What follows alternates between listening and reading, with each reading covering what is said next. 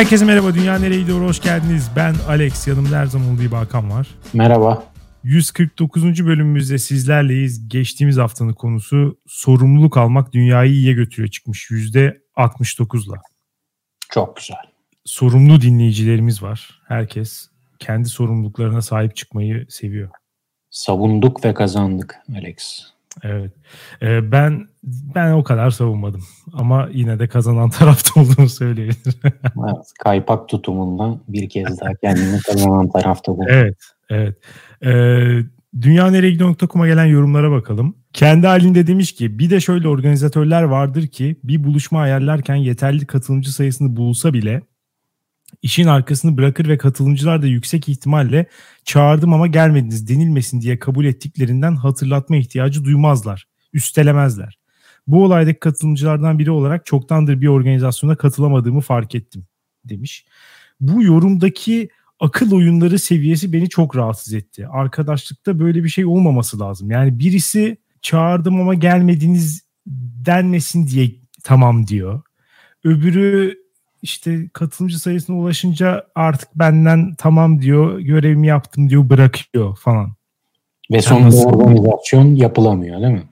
Evet nasıl bir sürekli mücadele halindesiniz? Yani biraz artık şu kartlar açık oynansın ya. Bu biraz arkadaşlık samimiyet gerektirir yani. Evet. O sorumluluk alan sorumsuz şahsa bir küfrü yedirmeniz lazım öncelikle.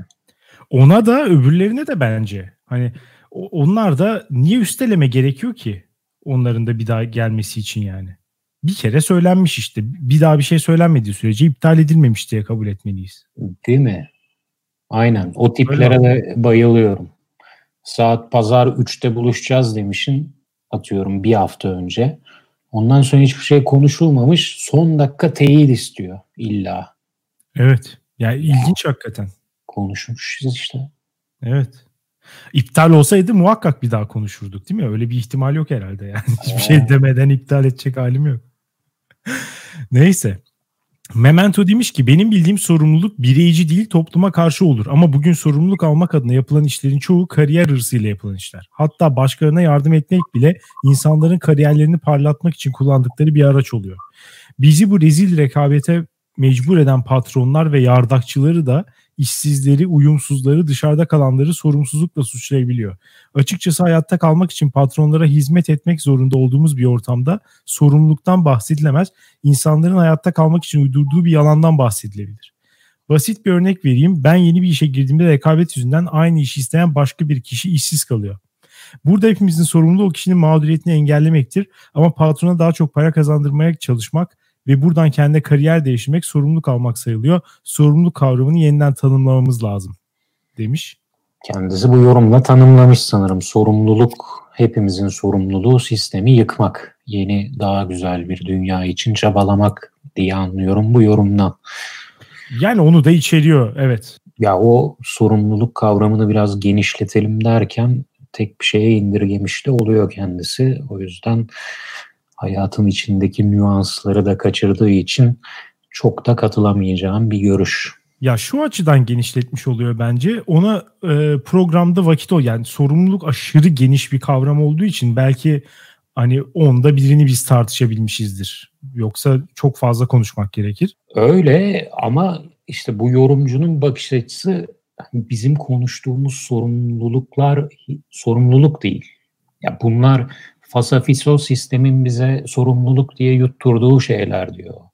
Esas evet. sorumluluğumuz hop dışarı bir adım atıp baştan temelden sorgulamaya girişmek diyor. Haklı olmakla beraber e, hayatın içinde de yaşadığımız şeylerden kaçamıyorsun. Yani hayat evet. içinden bir sorumluluk kavramı çıkarmayacaksak ve onu tartışmayacaksak neyi tartışacağız? Diğer türlü de her şeyi bir kenara atmış oluyoruz. Ya oradaki ayrımı ben açıkçası ya bir tanesi sorumluluk almak, öbürü sorumluluk hani hissetmek gibi görüyorum. Biraz daha hani kendinden ayrı, senin hayatından daha büyük olan şeylerle ilgili bir sorumluluk hissedebilirsin. Onun üstüne bir de hani bunu değiştirmek için de sorumluluk alabilirsin. Ama en azından hissetme konusunda bilmiyorum. O bakımdan bence dedikleri hani mantıklı. Hani onu şey demiyorum hani diğerleri sorumluluk değildir anlamında değil ama e, hani kendi dışında olan şeylerden de bir sorumluluk hissetmen lazım. Sonrasında ne yapacağın sana kalmış. Orada çok fazla insanları yargılayamam. Ama en azından şey yapmak e, bir, bir his olarak sana bir şey gelmeli bence. Son dediğine çok katılıyorum ama sanki yorumcudan böyle onun böyle hissetmediğini algıladım. Yok. Evet. Sanki o çok... onun, eğer o senin dediğin o kendinden yüce bir şeye de bağlılık duyma sorumluluğunu hissediyorsan o zaman hayatın içinde bahsettiğin yok işte iş hayatında yöneticinin sorumluluk alıyor mu inisiyatif şu mu bu mu bunlar fasafiso diyor gibi anladım. Evet biraz daha ona yakın onu dedi. Evet. Twitter'dan Kenan demiş ki bence sorumluluk almak dünyayı kötüye götürüyor. Ankette benim oyun bu yönde oldu. Evliyim, evime alışveriş yapmak, onları taşımak, bu sorumluluğun bende olması bile zaman zaman beni yoruyor. Bana zaman kaybı gibi geliyor. Daha değil dışarıdan başkalarının sorumluluğunu almak, bir şeyleri organize etmek hiç bana göre değil. Çekilir köşeme susarım, bir şeye de karışmam. Ağzına sağlık Kenan ya. Karışmam, ya köşeme geçer otururum diyor adam. Helal olsun. Güzel. Evet bazı insanlara göre değil gerçekten. Belki mesela hani Kenan'ı hiç tanımıyorum ama şu bir paragraf yazdığı şey hani eve alışveriş yapmak, onları taşımak diye de ayrı bir şekilde belirtmesi. hani sadece alışveriş yapmak da değil, poşeti taşımayı da ayrı bir eylem olarak belirtmiş. Yani bunu bu kadar uzun uzadıya yazacak kadar bunlar bile ağır geliyorsa bilmiyorum belki de mesela bu kişinin evlenmesi de mantıksız bir şey belki. Yani herkese sorumluluğunu almamalıydı mı diyorsun? Ya evet bazı insanlar da bu sorumluluk olmadan yaşayabilmeli ya. Herkese çok fazla baskı yapılıyor. Dolayısıyla bu sorumluluğun altına girmek istemeyen insanlar da başka sebeplerle kendini bunun içinde buluyor. Sonra vazifelerini yerine getiremeyince başkasına yük oluyor. Bu sefer iyice garip bir şeyin içinde kalıyoruz. Yani Kenan'ı tanımadığım için o hani bu tip insanlar diye genelleyerek konuşuyorum.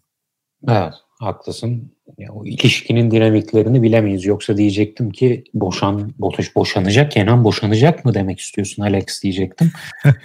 Ama her ilişkinin dinamiğinin farklı olduğuna inanan bir insan olarak Evet bile, ya, bilemeyiz. Belki en iyi bu şekilde geçiniyorlardır. Abidik Kubidik demiş ki Eril'e veganlık konusunda katılıyorum. Arkadaşım et yemiyor ve onunla katiyen yemek yiyemiyoruz. İkimiz farklı yerlerden yemek durumunda kalıyoruz ya da o aç kalıyor demiş.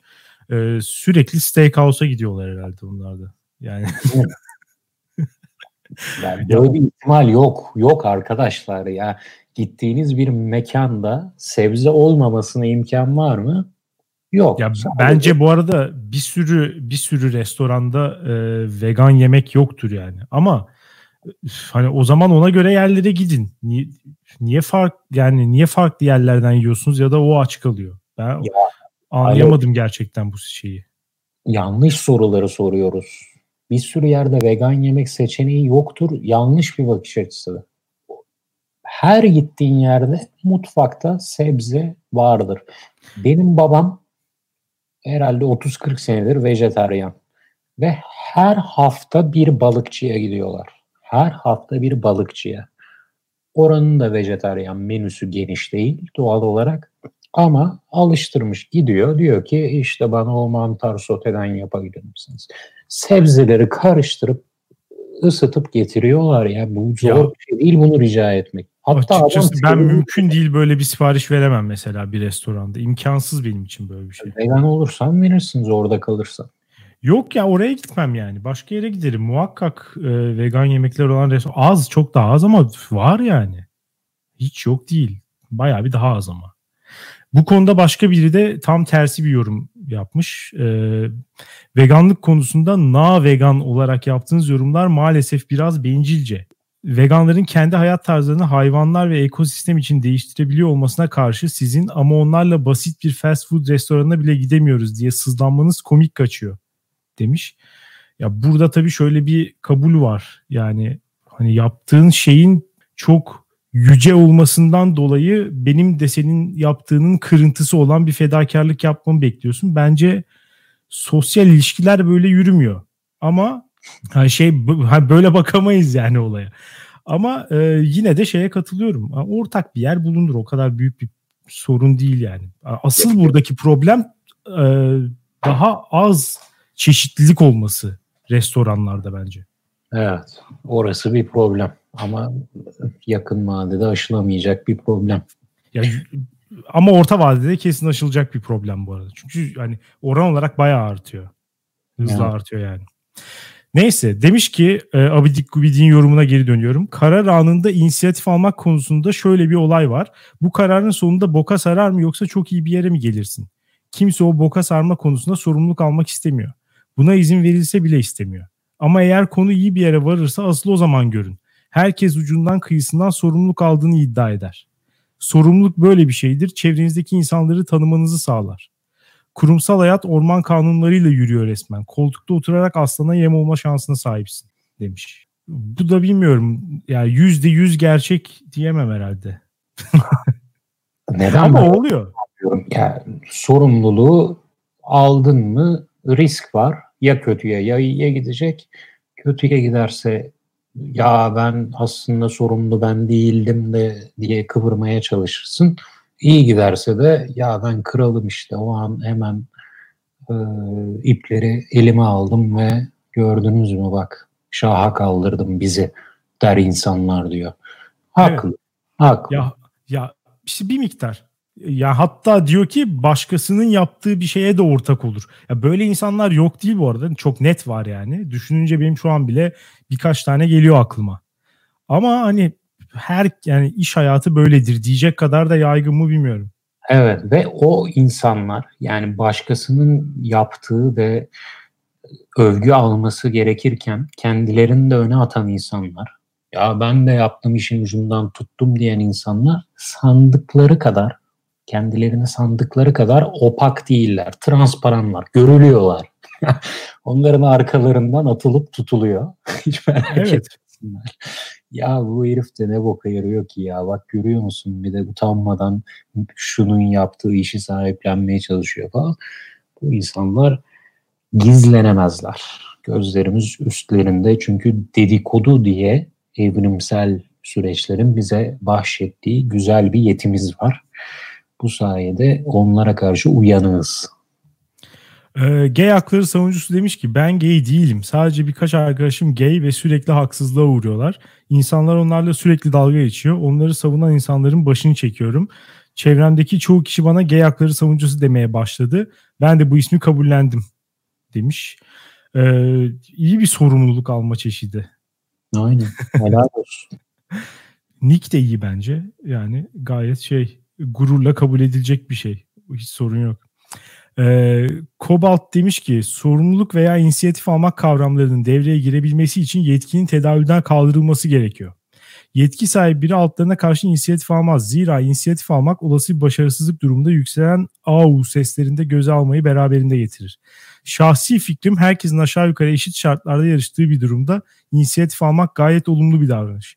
Aksi takdirde kendinizi yemek sonrası İstiklal Caddesi'nin ortasında yarım saat boyunca ayakta geyik yapıp her 10 dakikada bir de nereye otursak ya diye esas konunun gündeme getirilmesi durumunda buluyorsunuz. Herkesin ezik olduğu bu olay örgüsünde birinin inisiyatif almasının son derece elzem olduğunu düşünüyorum.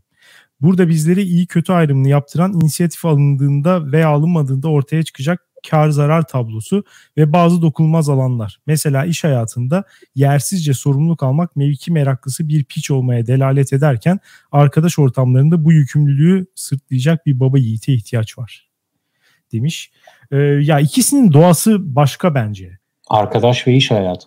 Evet. Dolayısıyla alınan sorumluluğun işte niyeti, niteliği, sonucu hepsi de farklı oluyor. Çok bunları karşılaştırmamak lazım. Bambaşka dünyanın insanı bunlar. Evet, Kobalt da demiş zaten. Arkadaş ortamında birinin sorumluluk alması çoğu zaman çok iyi bir şey.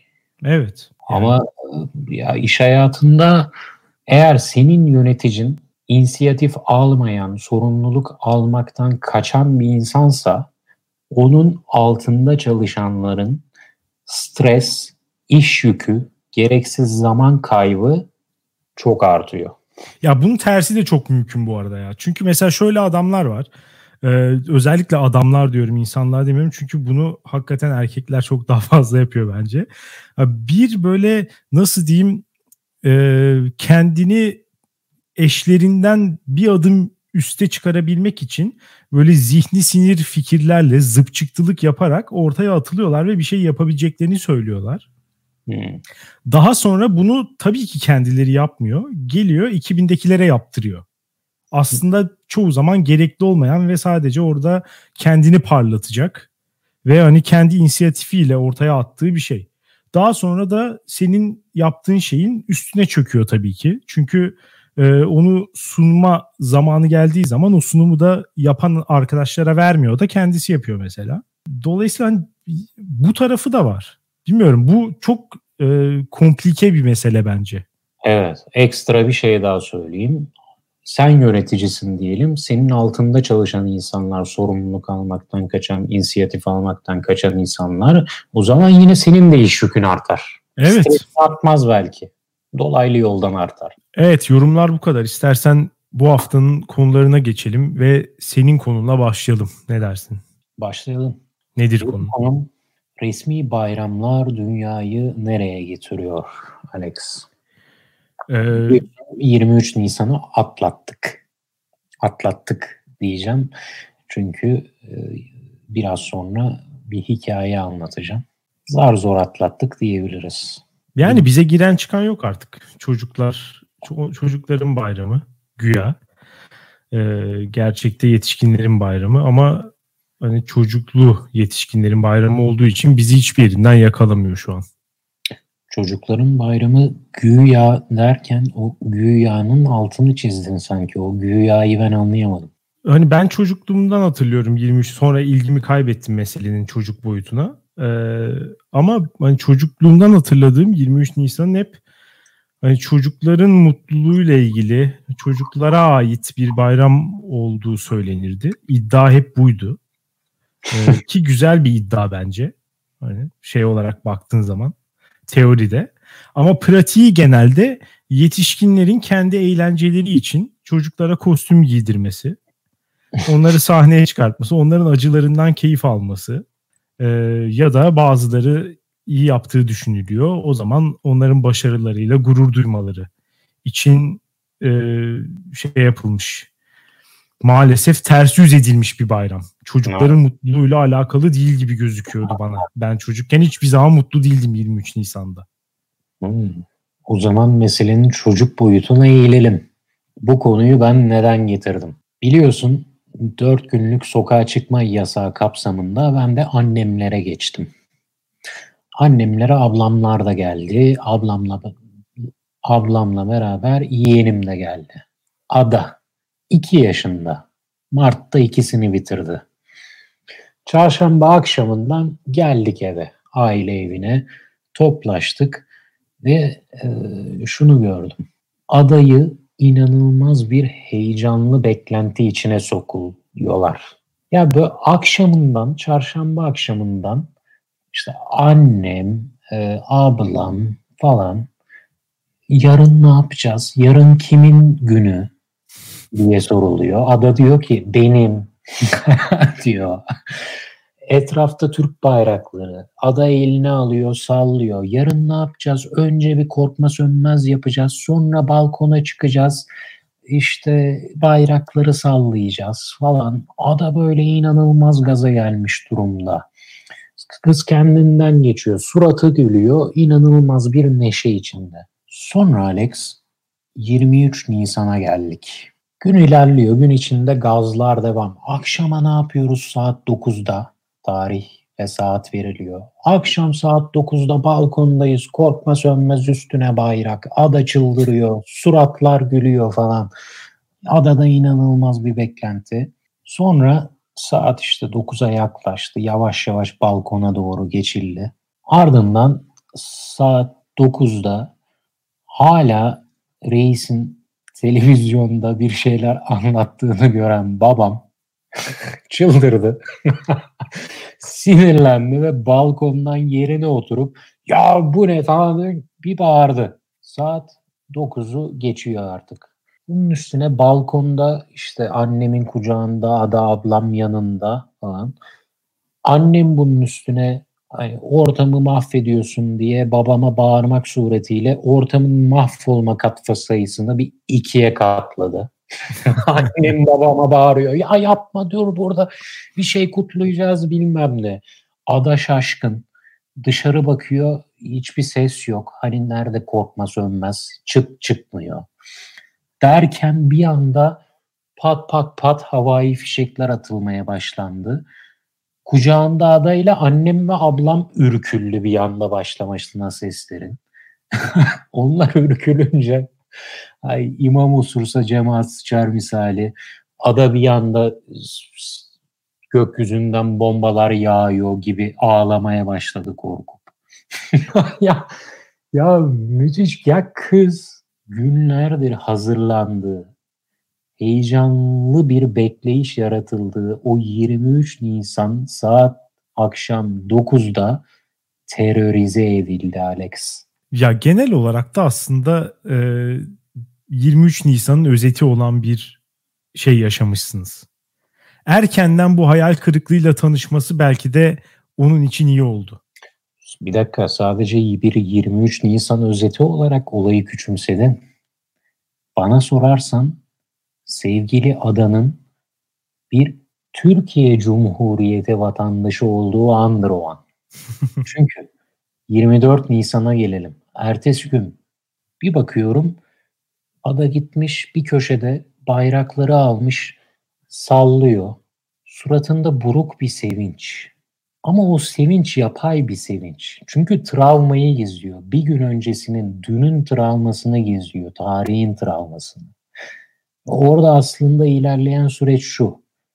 Biliyorsun travma geçiren insanlar travma geçirdikleri anı kafasının kafalarında sürekli sürekli oynatarak onu kontrol altına almaya çalışırlar. Adamın da yapmaya çalıştığı şey bu. Gidiyor buruk bir sevinç bayrak sallıyor. Balkona çıkıyor annemle. Ya dün anneanne dedeye bağırdı. İşte çünkü şöyle şöyle oldu. Sonra kara şimşekler e, bir anda tepeden uçmaya başladı falan. Ya kız travmasını kontrol altına almaya çalışıyor. Ve işte o an her TC vatandaşının ömür boyu sahip olacağı buruk, buruk sevinç duygusuyla tanışmış oldu ve bana sorarsan resmi olarak bir TC vatandaşı oldu sevgili yeğenim Ada. Ee, ya belki de 24 Nisan tarihinden dolayı sembolik olarak sözde Ermeni, sözde soykırımına e, karşı bir harekette bulunmuş olabilir. Ada. Bu ihtimali de bir göz önünde bulunduralım bence. Belki çok hızlı bilinçlenmiştir. Tam tersi. O buruk sevincin altında bu travma da yatıyordu. Bir vahşi olabildiği ama artık ileri seviyeye gelmiş, medeniyeti yakamış, yakalamış bir insan olduğu buruk sevincini de yaşıyordu. Ben ona inanıyorum. Ama Allah aşkına şu 23 Nisan gecesine bir bakar mısın Alex? Tam bir Türkiye tablosu değil mi? Ekranda Cumhurbaşkanı saat 9'u 3 geçe tüm vatandaşları saat 9'da balkonda İstiklal Marşı söylemeye çağırıyor. Bu evet bu geç kalmışlık felaketti gerçekten. Bu makro düzey. Mikro düzeyde ise 2 yaşında bir çocuk saat 9'da inanılmaz bir kutlama olacağı hayaliyle donatılıyor, gaza getiriliyor. İnanılmaz heyecanlı bir beklenti oluşturuluyor ve saat 9'u vurduğunda tam da kutlama anında terörize ediliyor. Travma her yönden. Ya ama o da çok küçük olduğu için biraz öyle. Yani ne bileyim 6 yaşındaki bir çocuk o havai fişeklerden çok büyük keyif almış olabilir. Birkaç tane şey vardı. Ee, bu bayram şey gördüm ben de. Hani okul olmayınca e, işte zoraki törenler olmayınca çocuklar biraz daha mutlu falan diyenler vardı. Çocuklar kendi bayramını yaşadı nihayet falan diyenler vardı. Ona da çok katılamıyorum çünkü çocuklar diğer çocuklarla olduğu zaman çok çok daha mutlu oluyorlar. Yani şimdi evet. aileyle o tam olmuyor açıkçası. Arkadaş gerekiyor biraz çocuk bayramı için. Öyle ama yani zoraki kutlamaları sen de hatırlarsın okul çağımızdan. E onlara hiçbir zaman bir şevkle katıldın mı veya şevkle katılan birini gördün mü? Hayır gerçekten işkenceydi yani 23 Nisan'la başladı. Ara vermeden 19 Mayıs'la da devam ediyor bu arada. O da bir felaket yani.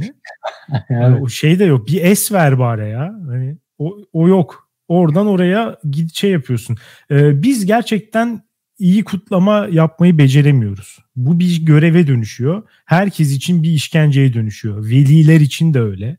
Yani aileler için de öyle. Çocuklar için tamamen bir yani be, benim hatırladığım en azından öyleydi. Belki dinleyince şunu diyen olursa gerçekten şaşırırım. Ben 23 Nisan'da hep çok mutlu olurdum. İşte şöyle şöyle yapardık falan. Ben böyle birini birebir de tanımadım hiç. Ama varsa söylesin yani. Vali çocuğu falansa belki hani ona protokolde yer falan verdilerse birinin koltuğuna oturduysa falan. Mesela o şeye ne diyorsun? O harekete? Ya doğru diyorsun. Ben şu şarkı var ya bugün bayram erken kalkın çocuklar. Evet. Bu muhtemelen dini bayramlar için bulunmuş bir şarkı. Büyük ihtimalle çünkü sonra zaten mezarlık ziyaretinde bulunuyorlar. Ha, aynen. Çünkü her zaman bir dini bayramlar biraz daha kökleşmiş oluyor. Orada çünkü yetişkinler de çok işin içinde.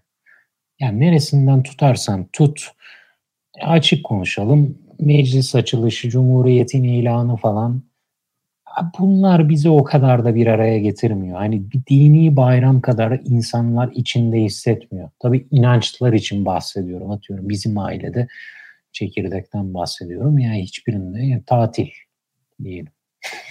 tatil olarak yer alıyorlar. Ama ben bu ne bileyim Cumhuriyet bayramları ve dini bayramlar diye ayırırsak dini bayramlarda insanlar biraz daha içten hissettiği için herhalde daha bir sahili oluyor mu diyeyim ne diyeyim. Mesela 23 Nisan bayramını çocuklara atfedilmesini falan ya Atatürk'ün politik dehasına, siyasi dehasına veriyorum. Evet. Şimdi dünyada örneği yok değil mi? Öyle de bir şey var. Ya sen uluslaşmaya çalışıyorsun. Bir ulus devlet kuruluşu var. Çocuklar. Ya sen çocuklara veriyorsun. Bizim ada iki yaşında bile gaza geliyor. Ama tabii bütün o süreç boyunca yapılan hatalar sonucunda 100 yıl sonra bile bizim ada işte TC vatandaşlığının daimi duygusu olan buruk sevinci tatmak durumunda kalıyor. Ama hani süreç belki daha iyi yönetilseydi hepimiz bir araya gelip işte bir gün kutlardık ama öyle olmadı. Olmadı, beceremedik. Beceremedik bu milli bayramları diyeceğim de işte artık milli dini mi oluyor yoksa ulus mu oluyor karıştı biliyorsun. Belki ada bu travmasıyla bundan 20-30 sene sonra e, milli bayramlara kulağı ağrıdığı için katılamayacak. Ya orası kesin. Yani raporu ben bulacağım ona. Katılmasın. Bunun mucidi olan Sayın Abdullah Gül'e de buradan selamlarımızı iletmek isterim. Ne o ya? Bilmiyor musun? Ona atıf yaptım. Onun şakasını yaptım. Ne o?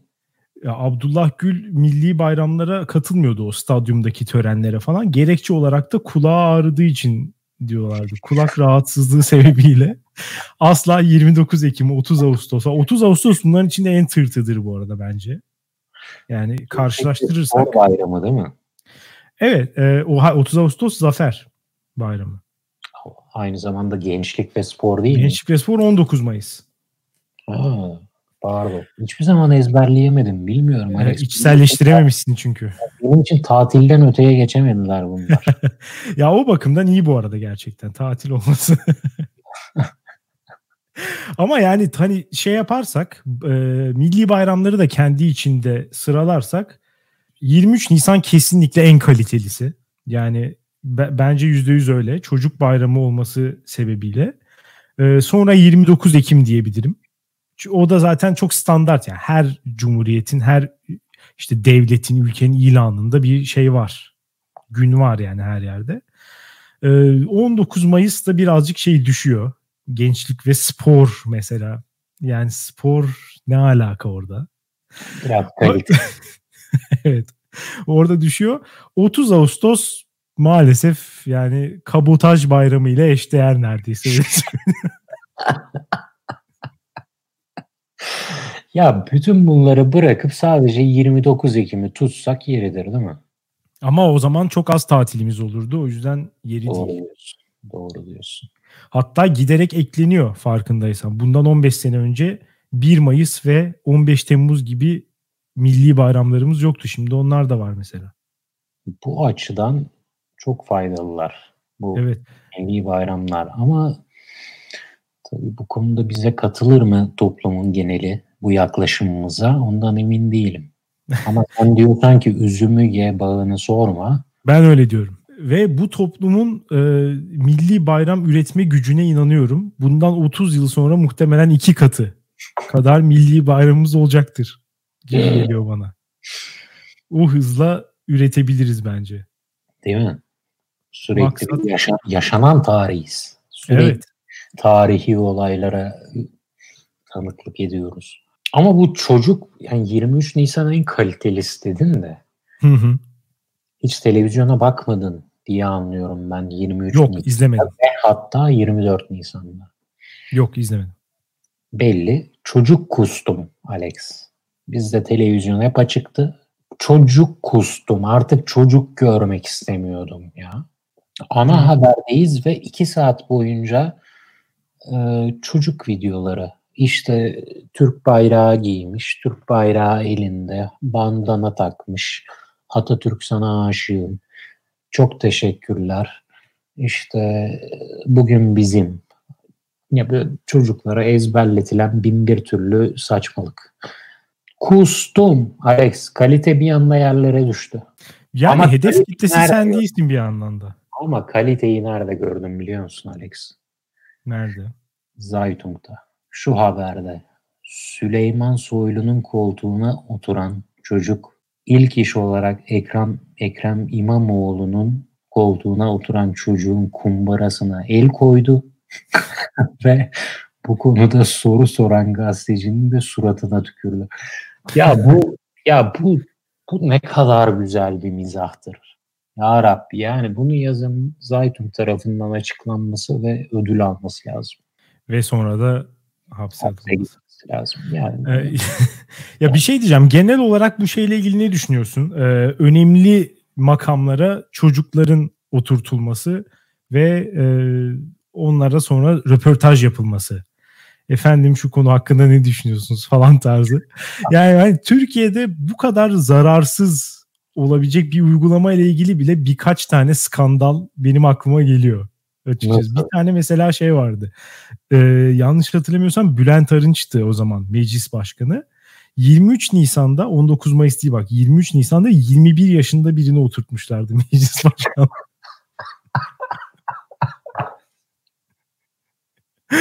yani 21 yaşında ve lise öğrencisi olduğu iddia ediliyor. Evet Hababam sınıfı öğrencisi falan herhalde yani başka bir şey bulamıyorum. Onunla ilgili böyle tartışmalar oluyordu falan. Ya da bir tane çocuk e, Tayyip Erdoğan'ın koltuğuna oturup başkanlık sistemini doğru bulmadığını falan söylemişti. Mesela Tayyip Erdoğan biraz bozulmuştu falan.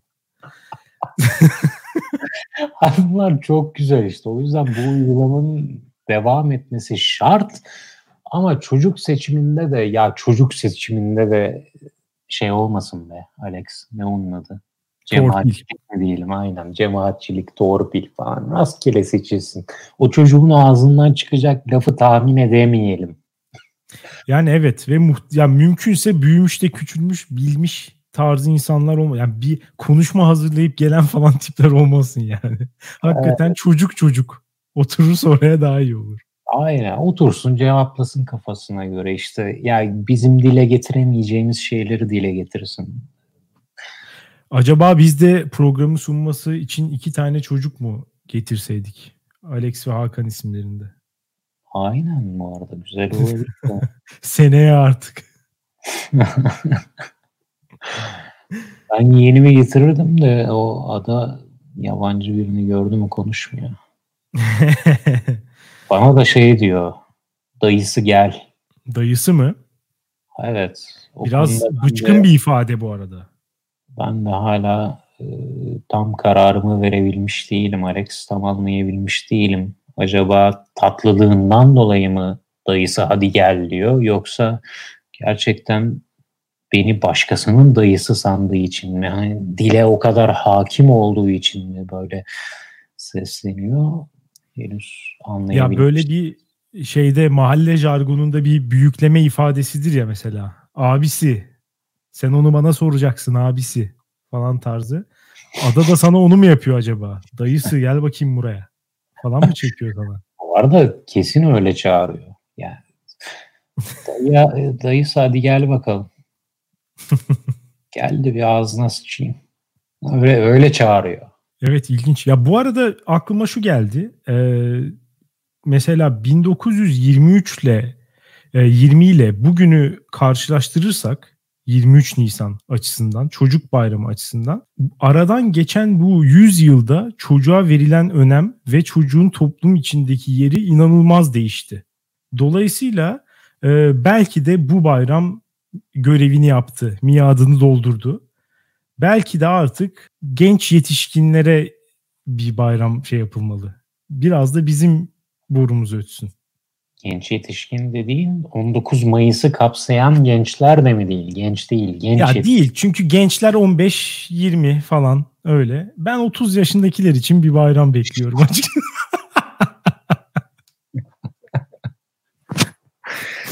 Ya çocuklara yeteri kadar önem veriliyor artık toplumumuzda. Bu bir gerçek yani. Hatta belki gereğinden fazla önem verildiğini iddia edenler de var. O Doğru. tartışmaya çok fazla girmeyeceğim. Ee, ama yani bir düşünsene 1920'de çocuklara nasıl davranılıyordu? Onlar ne kadar çabuk olgunlaşıyordu falan. Bir de şimdiye bak. Ölüyordu. Yarısı ölüyordu şimdi açık konuşalım. Ya o evet sağlık sağlık konusu tabii biraz çetrefilli ama yaşayanlar mesela o zaman 15 yaşında olgunlaşan birisi şimdi 25 yaşında o olgunluğa erişemiyor. Maalesef. Yani o zaman bir çocukluk yok yani aslında. Çocukluk yaşanamıyor. Bizim kuşağımızın boktanlığı be Alex. Ne açıdan? Dediğin gibi işte o zaman 25 yaşında işte aile kurup büyüteceğim işte yetişkin havalara giren bir insan şu an 25 yaşında sanki hayata yeni başlamış gibi oho daha önümüzde neler neler var modunda. Şu anın 35 yaşındaki insanı daha işte ne bileyim her şey için çok erken modunda. Yani evet. insanların konudaki algıları çok değişken ya. Ben... Evet baksana yani 21 yaşındaki adamı 23 Nisan'da meclis başkanlığı koltuğuna oturtuyorlar. Yani bundan daha iyi bir paradigma değişikliği ola, göstergesi olabilir mi yani? Ya bu biraz yoğunuzmuş. Yani bu hiçbir paralel evrende kabul edilemeyecek bir şey. Yani bundan bin yıl sonra da 21 yaşındaki bir insan çocuk sayılır. Bunu burada e, kabullenelim. Burada lütfen altına imzamızı atalım. 21 yaşına gelmiş bir insan çocuk sayılmaz sevgili Bülent Arınç. Belki o da ona dikkat çekmeye çalışmıştır. Çağımızın önemli problemlerinden infantilizm.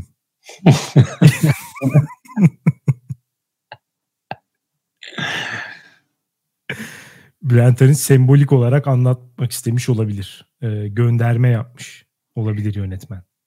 Evet.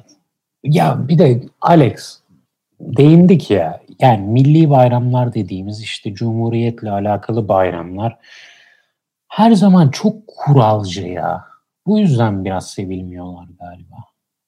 Ama e, dini bayramların da kendi içinde kural ve ritüelleri var ve onlar da bence çok katı. Ha. Ama onlar katı olmakla beraber ya mesela anneanne babaanne ziyaret, büyükleri ziyaret. Onların kuralları bu değil mi? Bir tanesi o evet. Diğerinin kuralı stadyuma gidip bayrak taşımak veya sıraya girip çok özenli bir desen oluşturmak stadyumda falan. Ya bunlara çocuklar daha az kendilerini ilişkilendirebilir. Anlatabiliyor muyum? Kesinlikle. Ya sonunda büyüklerini ziyarete gidersin. Her ne kadar hmm, Allah kahretsin dese de 12 yaşındaki çocuk bir noktada bütün aileyi bir arada görmekten memnun olur. Evet. Ama hiç kimse stadyuma gidip direk gibi bayrak taşıyıp hadi arkadaşlar asker düzeninde yürüyoruz. Hadi arkadaşlar işte bayrağımızı insan olarak gökyüzünden görülecek biçimde çiziyoruz falan. Ya bilmiyorum bundan keyif alan çocuk hiç sanmıyorum. Varsa, varsa da bu bayramlar sebebiyle oluşturuldu bu çocuklar. Andu tuşuna basalım. Andu. ee, bu arada bu e, milli bayram, dini bayram çekişmesinde bir de şey var. PR mucizesi, yüzyılın PR hareketi olarak şek, e, Şeker Bayramı isimlendirmesi. Ramazan bayramına Şeker. Bayramı diyerek ya şimdi mesela dindarlar bundan hiç hoşlanmıyor biliyorum. Ramazan bayramına Şeker Bayramı denmesine hiç hoşlanmıyorlar. Hı. Ama aslında onlara yarayan bir şey. Bir bayramın adı Şeker Bayramı olunca ona herkes ısınıyor. Dolayısıyla ha. onun muhteviyatı da dini olduğu için daha fazla insan çekmiş oluyorsun. Normalde Ramazan deyince sırt dönecek çocuğu da belki çekmiş oluyorsun. Şeker bayramı diyerek. Helal olsun sana. Şu an o Atatürk'ün siyasi dehasının bir noktada bu ülkenin dindarları tarafından da adapte edilip kendi bayramlarına uygulandığını kanıtladın. Evet, merkez çevre ilişkisi. Bu konuyla ilgili yazım haftaya Birikim dergisinde çıkıyor.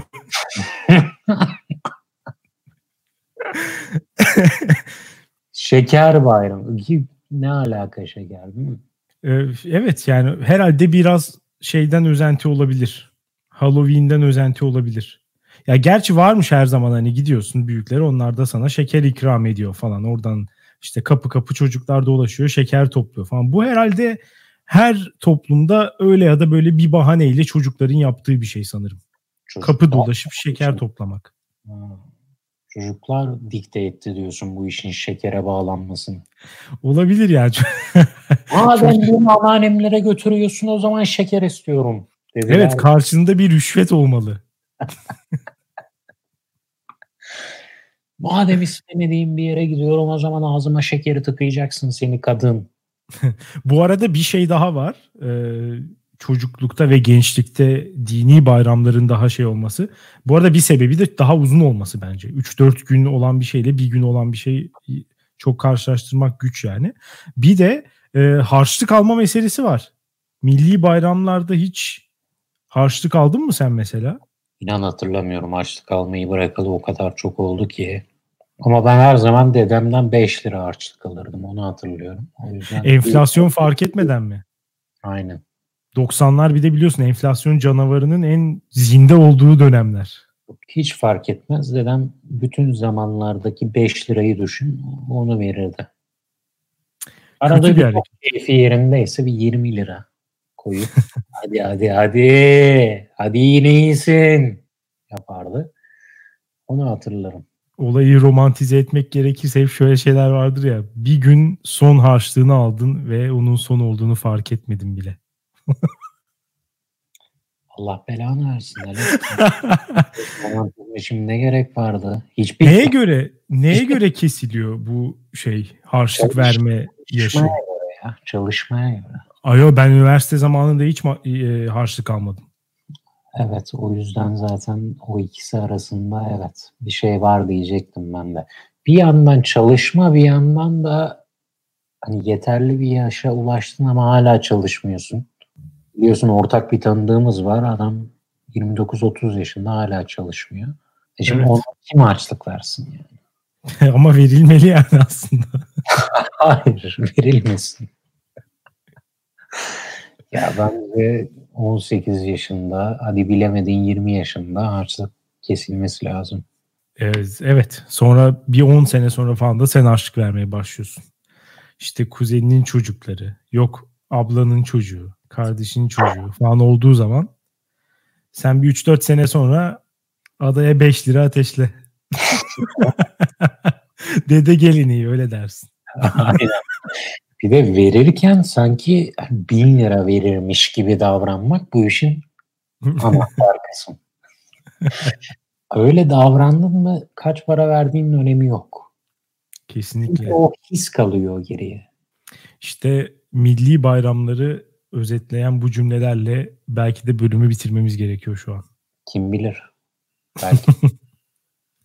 Dünyanereyegidiyor.com'dan tüm milli bayram anılarınızı ve 23 Nisan'da bir çocuk olarak mutlu olup olmadığınızı yazmanızı bekliyoruz. Dinlediğiniz için teşekkür ederiz. Haftaya salı görüşürüz. Güle güle.